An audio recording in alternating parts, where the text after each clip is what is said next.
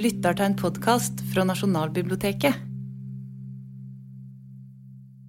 Jeg heter Tore Rem, og jeg skal snakke om Jens Bjørneboe og det politiske. Tida vi lever i, minner oss om vår sårbarhet.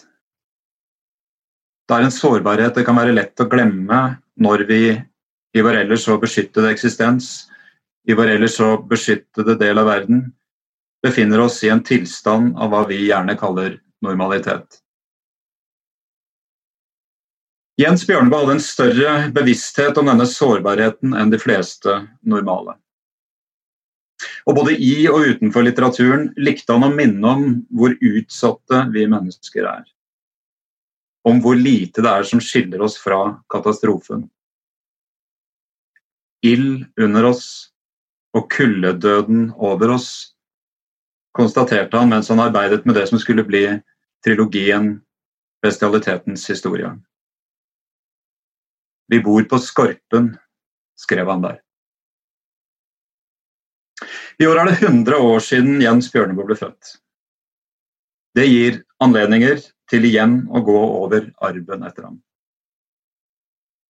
I den forbindelse vil jeg håpe at både hans liv og virke kan bli omfattet av en åpen og nysgjerrig holdning. Men kanskje også av en mindre grad av dyrking enn hva han ble utsatt for i siste del av livet, og de første tiårene etter hans tragiske bortgang. Arven etter Jens Bjørneboe er både god og mindre god. Og den rene dyrking gir sjelden god grobunn for den beste tenking. Kanskje kan større avstand gjøre at det vi finner fram til av virkelig verdi, også kan bli mer varig og solid. I denne sammenheng ytrer jeg dette bare som et generelt, altså fromt ønske. Det er blitt ti år siden jeg avslutta det store biografiprosjektet om Bjørneboe. Selv om jeg i det siste har fått anledning til å nærme meg de to bøkene som utgjør denne biografien, Sin egen herre og Født til frihet, gjennom arbeidet med en forkorta og lett revidert ettbindsutgave. Da jeg i 2010 kom så langt som til avslutningen, hadde jeg brukt om lag seks år av livet på å forsøke å finne ut av hvem denne mangefasetterte mannen, forfatteren og intellektuelle var. I tillegg til at jeg har blitt ført inn i en mengde sammenhenger og begivenheter i det 20. århundrets norske og til dels også europeiske historie. Her har jeg tenkt å snakke om noe av det første vi tenker på når vi tenker på Bjørneboe politikk. Og Likevel har dette temaet tema blitt underlagt lite seriøs analyse. Jeg skal snakke om Bjørneboe og det politiske, nærmere bestemt om hans forhold til politikken som sfære og handlingsrom. Så hvorfor ikke begynne med å overraske, eller i det minste prøve å overraske? Det sterkeste, mest slitedyktige Bjørneboe-bildet rommer, vil jeg mene, ideen om en eksemplarisk demokrat, en sterk forsvarer av ytringsfriheten, et ytterst politisk menneske. Men her har jeg tenkt å historisere Bjørneboe. Med andre ord å forsøke å skrive, eller snarere snakke fram, hvem han var til noen ulike tider, på gitte punkter i historien. Og ikke nøye meg med myten eller med hvem han kan hende ble til slutt, eller hvem han gjerne huskes som. Mye har blitt borte, mye har blitt entydiggjort. Ikke minst pga. det enorme gjennomslaget denne forfatteren fikk på slutten av 60-tallet, da han tilsynelatende var trygt plassert i tidas radikale politiske sammenhenger. En slik ambisjon innebærer litt gravearbeid, og jeg begynner like godt sånn omtrent midtveis før jeg går tilbake til et tidligere punkt i historien, og så jobber meg framover derfra. Mine hovedpåstander er at Jens Bjørneboe lenge ikke ønsket å engasjere seg i den politiske sfæren. At han så gikk inn i politikken med liv og lyst. Men også at han alltid hadde et vanskeligere, i alle fall ambivalent forhold til demokrati folkestyre, flertallsstyre, politikken som sfære, som det muliges kunst.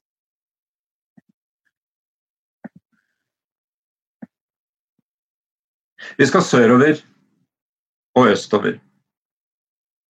I 1964, etter et festlig opphold under Berliner Festspieltage, et av kommuniststaten DDRs utstillingsvinduer, et opphold påkostet av samme stat, takker Jens Bjørneboe for gjestfriheten med to kronikker i Arbeiderbladet. På lignende vis hadde han året før takket Sovjetunionen for en begivenhetsrik reise østover. Det var da blitt fire år siden Bjørnboes forrige opphold i DDR, og han mener at de fleste forandringene er sterkt positive. Etter et fire ukers opphold flere steder i landet og et besøk i den helt nybygde industribyen Eisenhüttenstadt, tenker han på den materielle fremgangen, på folks gode humør. Riktignok finnes det fremdeles visse mangler, må han innrømme. Eh, men han mener at disse i mindre grad er politiske og i større grad historiske. At det er deres årsaker. Han kan ikke få fullrost fenomenet Eisenhüttenstadt. Hva han kaller befolkningens imponerende arbeidsmoral og perfeksjonsvilje, er på linje med den han har opplevd blant skuespillerne i Berliner Ensemble, Bertolt Brechts teater, der han tidligere har hatt inspirerende opphold.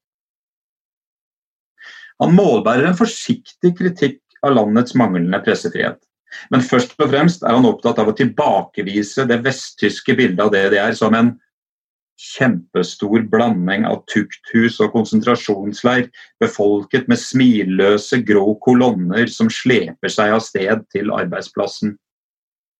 Slik han formulerer det. Slikt har, skriver han i kursiv, intet som helst med virkeligheten å gjøre. Han har dessuten ett viktig poeng til. Det gjelder muren. De vesttyske fotografiene av muren er sterkt misvisende, påstår han. Den er ikke fem meter høy, slik den vestlige propagandaen hadde fått ham til å tro. Stort sett ligger den på et sted mellom 1,80 og 2 meter. De overdriver sterkt der borte i Vesten. I Neues Deutschland, organ for kommunistpartiets sentralkomité, kan man snart trykke høydepunktene fra Bjørneboes rapport under tittelen 'Slik ser en nordmann vårt land'. Fram til forrige årsskifte hadde da muren kostet minst 53 menneskeliv, og mange hundre tusener hadde valgt å flykte pga. tilstrammingene. Arbeiderbladets egen Bonn-korrespondent Stein Viksveen reagerer på Bjørneboes rapport med forferdelse. Jeg har sjelden lest en så kynisk betraktning over muren som i Bjørneboes kronikk, påstår han. Det måtte da være i Neues Deutschland. Jeg trekker fram denne episoden fordi den er såpass ukjent, og fordi den vitner om en Bjørneboe som forvirrer oss i våre enkle kategoriseringer av hvem han var. Her er en Bjørneboe som for alvor har gått inn i politikken, og det på venstre side og som har gått så langt inn i en bestemt form for politikk at han en liten stund nærmest synes å ha glemt demokratiet. Kanskje vil denne forvirringen lette i løpet av dette foredraget mens jeg snakker. Jeg er ikke sikker. Sikkert er det at Bjørnboe ikke bør entydiggjøres, at hans liv inneholdt flere distinkte faser, og at han dermed også opptok ulike holdninger til politikk og demokrati. Men at det dessuten fantes atskillig kontinuitet i denne forfatterens tenkesett. Også etter at han tilsynelatende hadde brutt tvert over og havnet i helt nye sammenhenger. Også det bidrar til å komplisere bildet. Etter denne lille fremmedgjørende teaseren skal jeg, som jeg har lovet, gå litt tilbake i tid. Men først et tilbakeblikk fra Bjørneboe selv, etter at han relativt nylig var blitt radikalisert. På 1950-tallet ble Jens Bjørneboe kort sagt plassert i de reaksjonæres leir. Og det var det også der han følte seg hjemme. Det kan være en liten tvil om at han oppfattet seg selv som noe nær apolitisk i denne perioden. At han hadde en sterk aversjon mot politikken som sfære. Da han etter sin radikalisering, en radikalisering i retning venstre altså, betrodde seg til sin gamle antroposofiske mentor, vølven Ingeborg Møller, innrømmet han at alt esoterisk ligger som en slags naturbegavelse for meg, mens alle forhold til den ytre verden er meg imot. Dypt usympatiske, fullstendig fremmede. Han hadde tidligere funnet det vanskelig og motbydelig å orientere seg i den ytre verden, innrømmet han, men nå var noe blitt forandret. Hele samtiden er meg opprinnelig uvedkommende, ubegripelig og avskyelig. Like ekkel som skolevesenet, som forretningslivet, som politikken og som amerikansk livsanskuelse.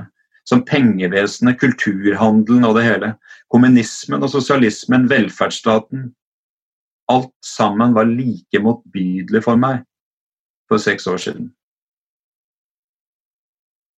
Her, i skriftestolen hos henne han lenge hadde ansett som sin åndelige mor, er han aldeles åpen omkring hvem han var. Han har hatt en aversjon mot det ytre, mot alle sentrale fenomener i samtiden, mot politikken. Samtidig som han har vært kritisk til det totalitære, til kommunismen, har han knapt nok følt seg videre forpliktet på demokratiet. Jeg kan ikke skissere hele Bjørneboes tidlige biografi, og må bare antyde hva slags sammenhenger han har kommet til å befinne seg i rett etter krigen. Som skribent hørte han bl.a. hjemme i Spektrum-kretsen, et tidsskrift som hadde satt seg fore å overta etter Alf Larsens Janus, det sterkt kulturkritiske tidsskriftet som hadde gått inn i 1941. Da Spektrum ble lansert like etter krigen, var ambisjonene tydelig formulert. Man erklærte at man ville ta ansvar for noe man kalte det hele. At man ville stille seg utenfor partier og verken gå kapitalismens eller proletariatets ærend. Samtidig med at gjenoppbyggingen av Norge begynte, og med at Arbeiderpartiet ble styringspartiet i et nytt sosialdemokratisk land, slo man i denne sammenhengen grundig fast at det simpelthen ikke lenger var noe å oppnå av den politiske vei. Det eneste som betydde noe, var å arbeide for hva de kalte en åndelig omstilling. Her skulle Jens Bjørneboe finne sin stemme i årene som lå foran, og siden i arvtakeren Horisont i sammenhenger som så å si hadde lagt politikken død. I de første 15 etterkrigsårene dreier Bjørneboes engasjementer seg i all hovedsak om en antroposofisk fundert vitenskaps-, kultur- og skolekritikk, samt i mer generelle angrep på velferdsstaten og tidens nye populærkultur. Det være seg film, fjernsyn eller, ikke aller minst, de forrående tegneseriene. Hans selvforståelse var at han uttalte seg på vegne av ånd og kultur mot menneskesynet som ble forfektet av det rådende sosialdemokratiet, av materialismen. Det bør nevnes at Bjørneboe på 50-tallet likevel kan oppfatte seg selv som radikal, hvilket ikke betyr politisk. Som da han i artikkelen 'Fra jeger til storstein' postulerer at det er tidens radikalisme som i virkeligheten er reaksjonær. Samtidig forsøker han selv å fri seg fra den siste merkelappen. Det gjør han ved å ignorere kategorienes historiske betydninger. Han er radikal, påstår han, ad etymologiens veier. Han går nemlig til radis, hvilket skal bety til roten. Han går dypt. Den sanne radikalisme, hevder han på denne tiden, er noe som stadig er i bevegelse. Det handler ikke om et sett av meninger. Sannhet og moral er ikke noe som kan la seg etablere en gang for alle. Det er akkurat her 1920- og 30-tallets radikalisme har gått seg fast og stivnet, påstår riksmålsmannen, dikteren og antroposofen. Mens han klarer å gjøre Hans Jæger, bohemen, til et symbol, til en martyr for den sanne radikalisme, hovedpersonen i et symbolsk drama som uavlatelig gjentas med visse mellomrom, slynger han samtidig ut karakteristikker av dagens sosialdemokratiske etablissement som tilhengermennesker, departementradikalere, formyndermasker og pikepensjonatets moralske hylekor. Arbeiderbevegelse og klassekamp er knapt nok en del av hans verden, men han innrømmer likevel at hadde det vært opp til kapitalistene, ville arbeiderne fremdeles hatt luselønn.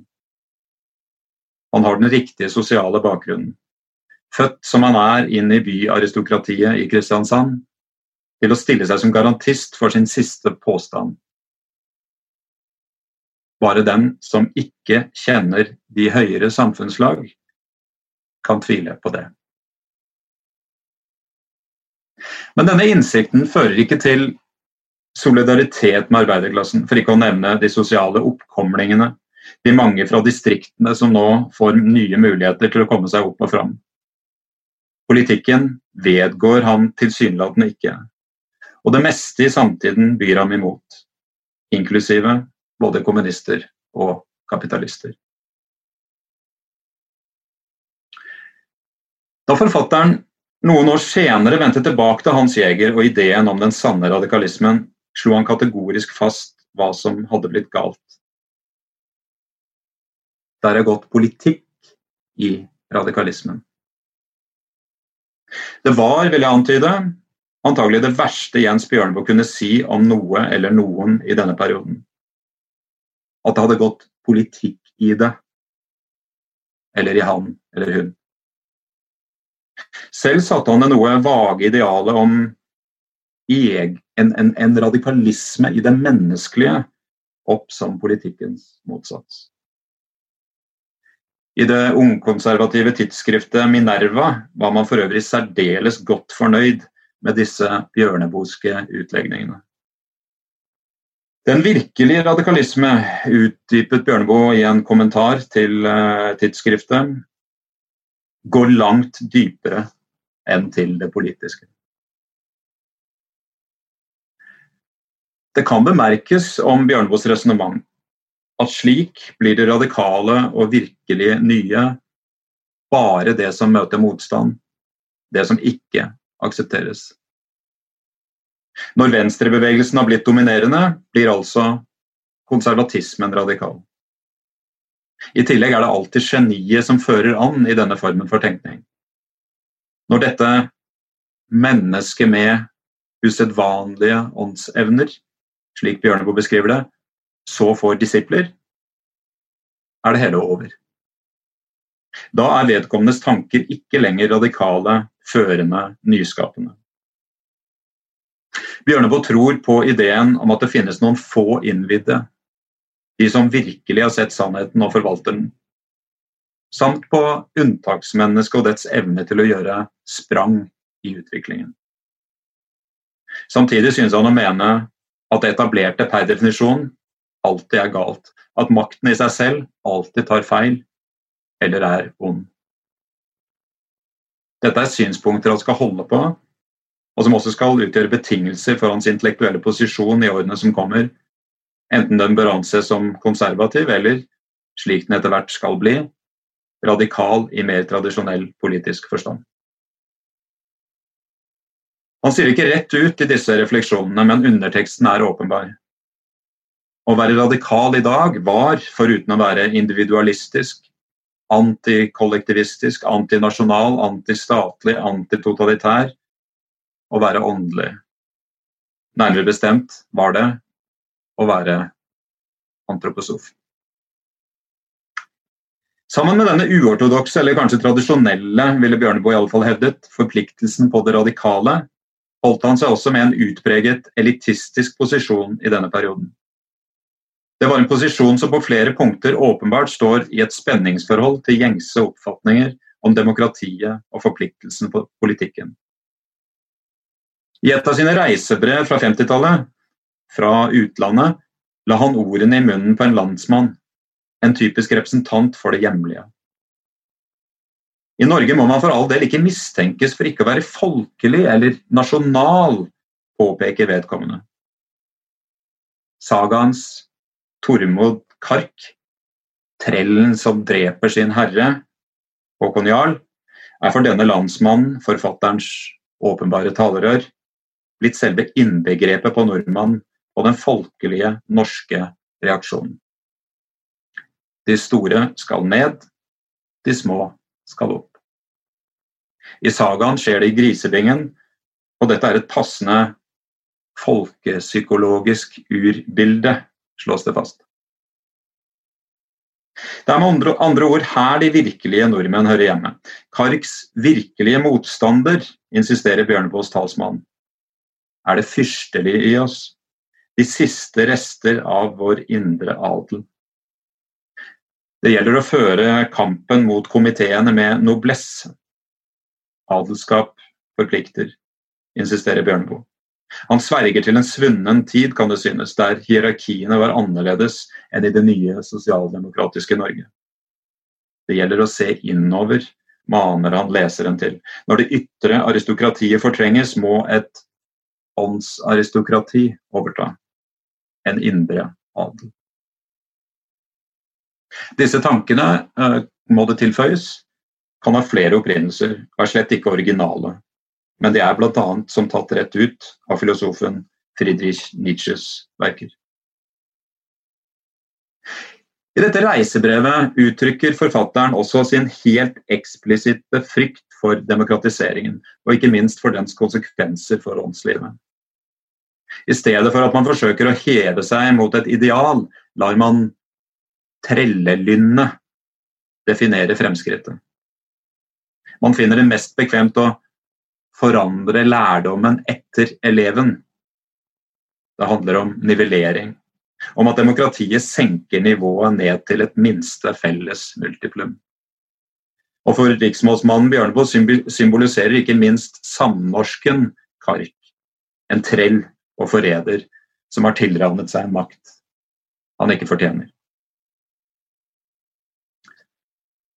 For å bygge ut bildet litt, kan det kanskje passe å trekke fram et annet eksempel på Bjørneboes syn på forholdet mellom demokrati og åndsliv på sent 1950-tall.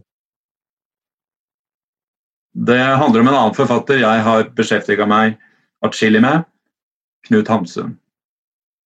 Og mer bestemt om da Bjørneboe på slutten av 1957, tolv år etter krigens slutt altså, og fem år etter Hamsuns død, satte herren av Nørholm i selskap med alle forfulgte forfattere som har blitt rammet av hva han kalte den gjennomsnittsintellektuelles hat til den uavhengige ånd. Bjørneboe nølte ikke engang med å sammenligne den misforståtte kunstneren med Kristus. Korsfestelsen var simpelthen et større symbol på åndens skjebne i en materialistisk kultur. Ut fra denne logikken var Hamsuns problem derfor ikke hans nazisme. Det kunne i stedet formuleres som, i Bjørneboes eh, språk, et genis misforhold til en snusfornuftig og åndsdemokratisk samtid.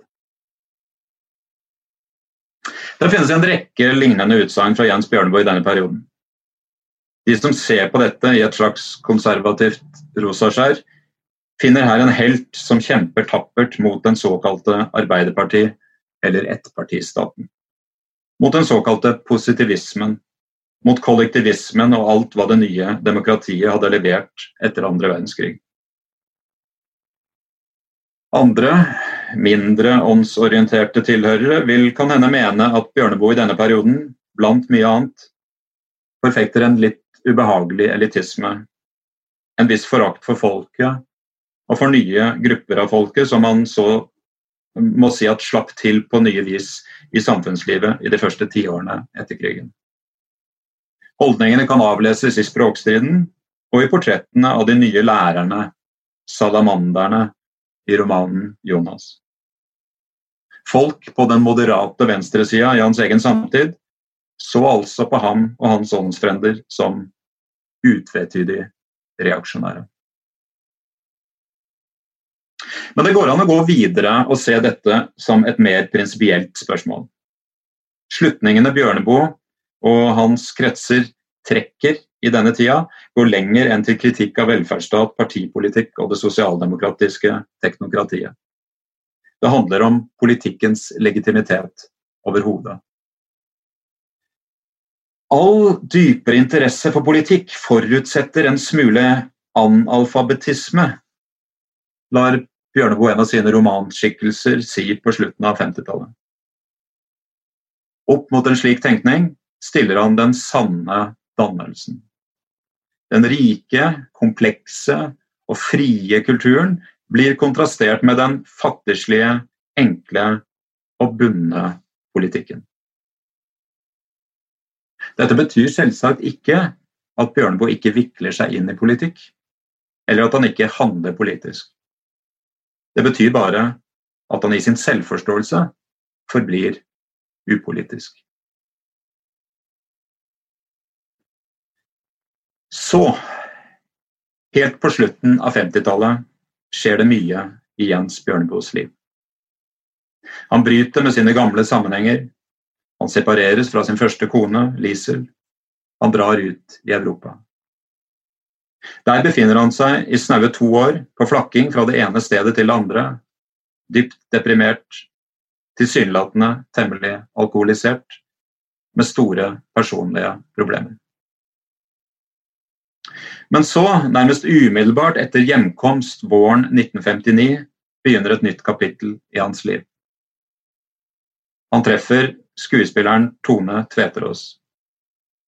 Og På høsten må han så sone en promilledom han hadde stukket av fra i 1957. Da begynner et annet kapittel. Gjennom møter med fanger i fengselet blir han klar over grusomme soningsforhold og en rekke problematiske aspekter ved kriminalpolitikken. Han blir opprørt, han engasjerer seg, han bestemmer seg for å skape forandring. Enkelt sagt. Men julaften 1959 trykker Jens Bjørneboe i alle fall den første av sine stort oppslåtte artikler i den såkalte fengselsdebatten, eller som den også ble kalt i samtida, Bjørneboe-debatten. Det blir begynnelsen på en langvarig feide og et enda lengre engasjement for kriminalreform. Det blir dessuten begynnelsen på en ny og ganske annerledes Bjørneboe. Og, nesten like viktig som hans nye synspunkter, som hans politiske radikal radikalisering, var det at både han og hans tekster fant nye sammenhenger.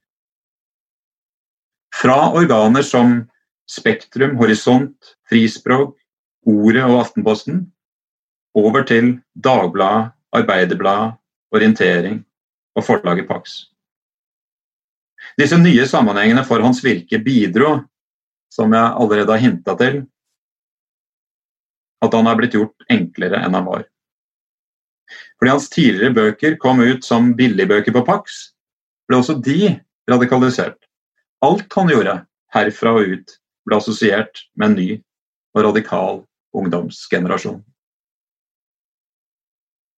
Disse nye sammenhengene, publiseringskontekstene ikke minst, men også dyrkingen han ble til del fra en ny generasjon unge radikalere, har altså bidratt til at Bjørneboe ble entydiggjort. Bruddet med fortida blir tatt for gitt, og det er da også avgjørende. Men det finnes som nevnt også en rekke spor av kontinuitet til den han var og de holdningene han hadde på 50-tallet. Eksempel, eksempelvis så gjaldt det synet på forfatteren, synet på den intellektuelle. Da Bjørneboe i denne siste perioden av sitt liv og sin karriere stadig reformulerte sitt syn på forfatterrollen, fantes det mange forbindelser bakover. Han skulle f.eks. fremdeles insistere på den ene utvalgtes forhold til de mange, og uttrykte gjerne en form for elitisme, også når han betonte verdien av den utstøttes perspektiv.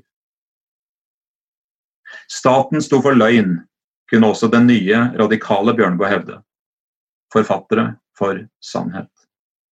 Til alle tider hadde det pågått en kamp på liv og død mellom makthaverne og forfatterne. Han forble sikker i sin overbevisning om at universet var dypt og essensielt polarisert. Det ville aldri bli forsoning mellom hva han kalte de offentlige, profesjonelle løgnerne og de som hadde til oppgave å si sannheten. Jens Bjørnboe brukte mange ulike ord og uttrykk for å beskrive sin rolle. Eller i det hele tatt for å beskrive de få han mente drev kulturen framover, heltene i sivilisatorisk forstand. Inngangen til å forstå hans synspunkter på dette feltet kunne vært mange. Men la meg finne fram foredraget 'Svikeren', holdt til Studentersamfunnet i Oslo i 1961. Da hadde Jens Bjørneboe et drøyt års tid beskjeftiget seg med å avsløre det han mente var opprørende, ja rystende forhold i landets fengsler. Blant annet. Og han hadde øyensynlig hatt opplevelsen av å stå temmelig alene, samtidig som han var sikker på at han hadde sett sannheten. Han stiller seg, individet, opp mot kollektivet. Det er her i aften nesten ikke nødvendig å føye til at alle fremskritt, all utvikling, all kultur, all frihet skyldes slike forrædere, proklamerte han.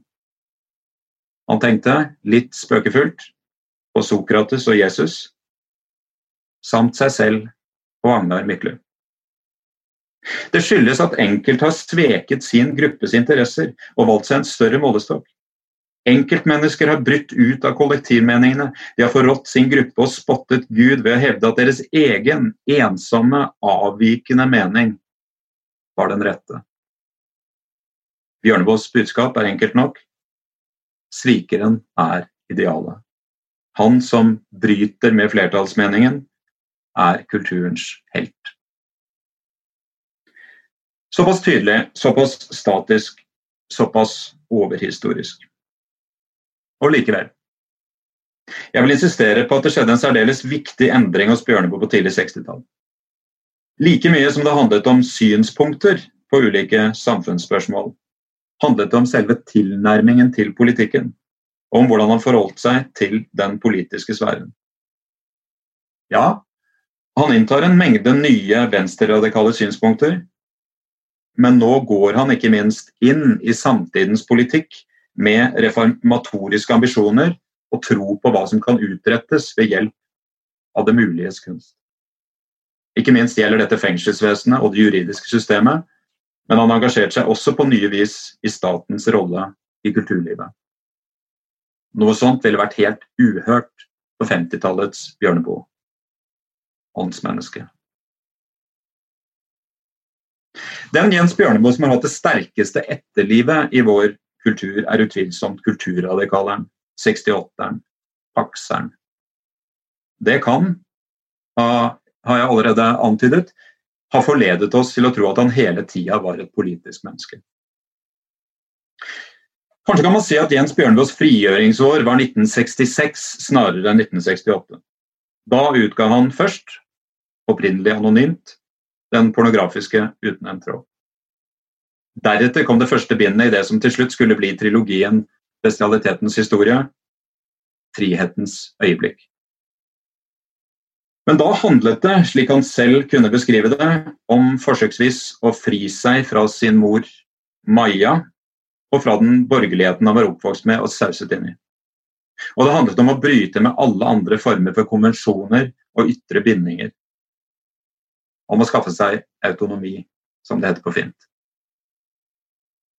For en stor generasjon norske ungdommer ble likevel 1968 like definerende som den spanske borgerkrigen hadde vært for så mange europeere av Bjørneboes egen generasjon. På universitetene ble professorene, en yrkesgruppe denne forfatteren lenge hadde hatt et belastet forhold til, forsøkt fratatt sitt velde. Studentene leste filosofen Herbert Marcose, naturligvis utgitt på Pax forlag. De vestlige samfunnsdemokratier var ufrie, og mennesker ble manipulert med, het det.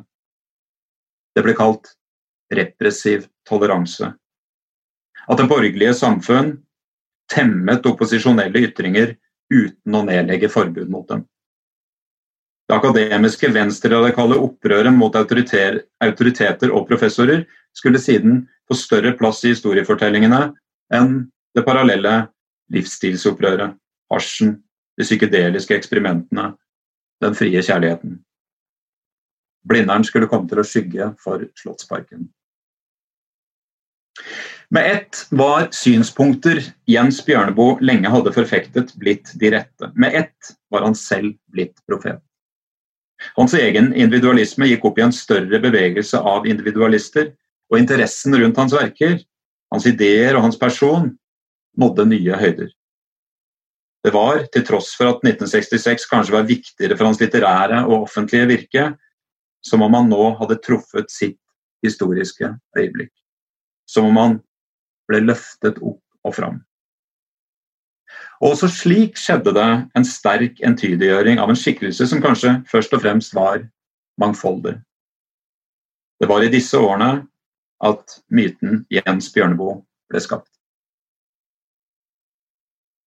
Da et utvalg av norske 68-ere siden så seg tilbake, rangerte de Jens Bjørneboe blant sine aller største helter.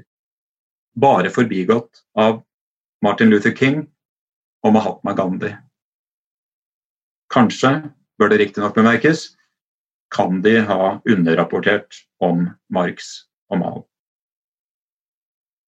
1960-tallets radikale ungdomsbevegelse skulle også, som vi vet, lede inn i det autoritære. Men der, med unntak for den lille flørten med DDR ved tiårets begynnelse, skulle Bjørneboe være konsekvent. Helt tilbake fra dyrkingen av Arthur Custler like etter krigen, til anarkismen og kritikken av AKP-erne på slutten av 60- og begynnelsen av 70-tallet. Men underveis inn i dette symbolske året 1968 og etterpå synes Jens Bjørneboe igjen å ha endret syn på politikken. All motgangen i disse årene har han på ulike vis endt opp med å knytte til det uforbederlige politiske systemet. Selv om det nok i stor grad, eller iallfall også, handlet om hans egne svært personlige problemer. Uansett er det som om forfatterens syn på staten, autoritetene og makten sementeres på siste halvdel av 60-tallet. Ikke minst skal han komme til å sette likhetstegn mellom makt, autoritet og vold. Og Dermed synes han på ny å nærme seg en avvisning av den politiske sfæren per se.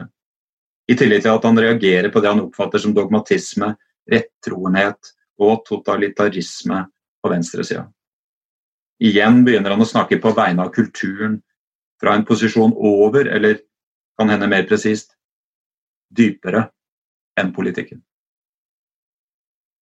Semmelweis slo Jens Bjørneboe fast om sitt eget skuespill i et brev fra 1969. Er ikke egentlig politisk teater. Det er idéteater. Men samtidig som han gjorde denne markeringen, innrømmet forfatteren at til ideer hører også selvfølgelig vår forbannede, ulykkelige, redselsfulle politiske situasjon i verden. Det var her problemet lå, hevdet han, og stilte like godt et stort spørsmål. Kan vi løse våre problemer på politisk vei? Han svarte selv ad omveier, kunne man kanskje si. Dvs. Si nedover. Vi må gå meget dypt. Det minner sterkt om programerklæringen i tidsskriftet Spektrum like etter krigen, og om de sammenhenger og den tenkning som en gang var hans. Samtidig som i romanen 'Kruttårnet' formulerte han ikke bare en politikerforakt, men noe som ligner sterkt på en politikkforakt. I motsetning til politikkens revolusjoner og blodbad, skriver han der, finnes det også et evig Frankrike. Da handler det om fransk kultur, i motsetning til fransk politikk. Han ser forbi ulikheter i makt og klasseforhold. Kruttårnet gir tydelig beskjed om at menneskehetens virkelige onder har røtter som går dypere enn til urettferdige samfunnsforhold. Igjen, som dere hører, det handler om dette dypere. Her, sist på 1960-tallet og i årene som følger, kan Jens Bjørneboe altså igjen komme til å ligne metafysikeren og kulturkritikeren fra 50-tallet. Det er som om han har mistet den tro og forpliktelse på politikken som han særlig tydelig hadde tilegnet seg under 60-tallets første halvdel. Det er altså ikke min påstand at Jens Bjørneboe aldri var politisk. Men jeg vil foreslå at han, virk, at han, var virkelig forpliktet på politikken. At han hadde tro på og lot seg engasjere i den politiske sfæren som noe som minst var likeverdig kulturen. Bare i en viss periode på 60-tallet. Både før og etter dette kunne han avvise politikken. Og han hadde dessuten atskillig ambivalens overfor demokratiet. Til sist endte han som kjent i anarkismen. En anarkist, slik han definerer ham i disse årene, synes så å si å være synonym med de andre begrepene Bjørnboe gjerne anvendte når han ville identifisere kulturens helter. Som outsidere av typen homofil, kjetter, forræder eller sviker. Han er tilbake hos avvikeren, svikeren, det uavhengig tenkende mennesket, slik han hadde formulert seg i foredraget om nettopp svikeren i 1961. Han som unndrar seg alt kollektivt, alt som er villet av et flertall. Slikt gjør demokrati vanskelig. I stedet handler det om martyren, om Sokrates, om Jesus, om Giordano Bruno, for ikke igjen å nevne Agnar Mykle og Jens Bjørneboe. Det handlet, som han selv hadde uttrykt det med sin ikke uvanlige hang til å essensialisere, om den evige krig som foregår mellom kollektivet og utbryteren. Den beste delen i mennesket tilhørte individet, utdypet han. Den største tilhørte massen.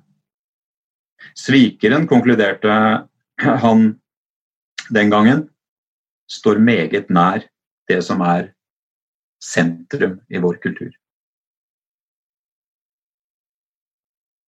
Det er ikke vanskelig å se linjer både bakover og framover fra dette foredraget. Men Bjørneboes anarkisme, for nå et øyeblikk å gå framover, handlet ikke bare om statsskepsis. Den synes å passe med hans ønske om å unndra seg alle systemer og all maktutøvelse, inklusive den legitime, inklusive politikkens. Jens Bjørneboe synes å ha begynt sitt unge voksenliv med å avvise politikken som sfære. I Jungmannens historie, i romanen 'Jonas' fra 1955, hadde han tematisert sin ungdomsgenerasjons forhold til det politiske. Når foreldregenerasjonen hadde spilt fallitt, var det nettopp fordi de, både til høyre og til venstre, og ikke minst gjennom massebevegelsene, hadde satset på politikken. De hadde valgt seg enten-eller.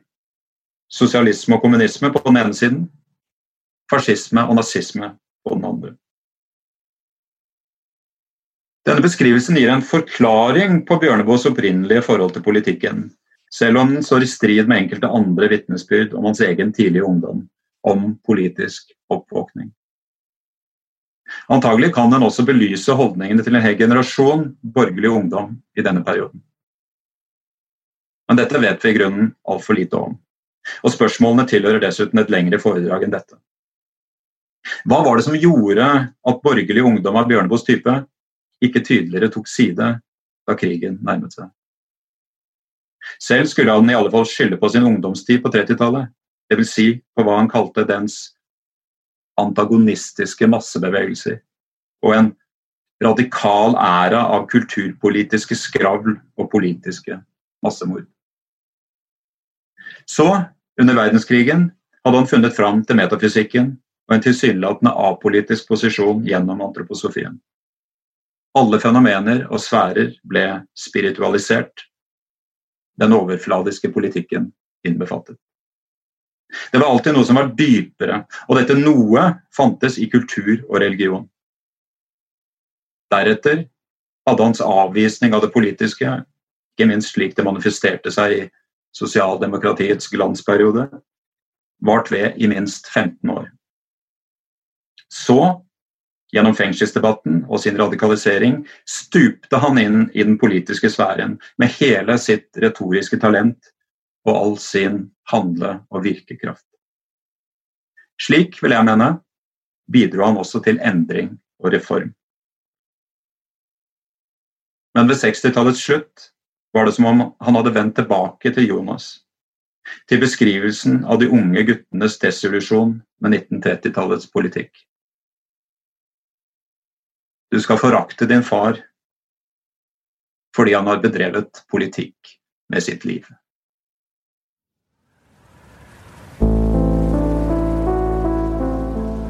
Det, altså, man kan jo ikke oppdage en sånn historie uten å bli litt grann sånn i Se og Hør-modus, selvfølgelig. Dette er pikant.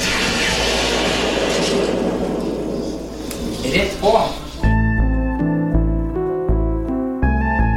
I samlingene til Nasjonalbiblioteket så finnes det spor etter et helt hav av dunkle drama og glemte liv fra Norges historie. I podkasten Gamle greier så skal jeg, Askild Matre Vassarød, fra det lille studioet midt i kjelleren under Nasjonalbiblioteket i Oslo, nøste opp de her mysteriene. Det er en voldsom kjærlighetshistorie, rett og slett. Abonner på Gamle greier gjennom den podkasttjenesten du bruker.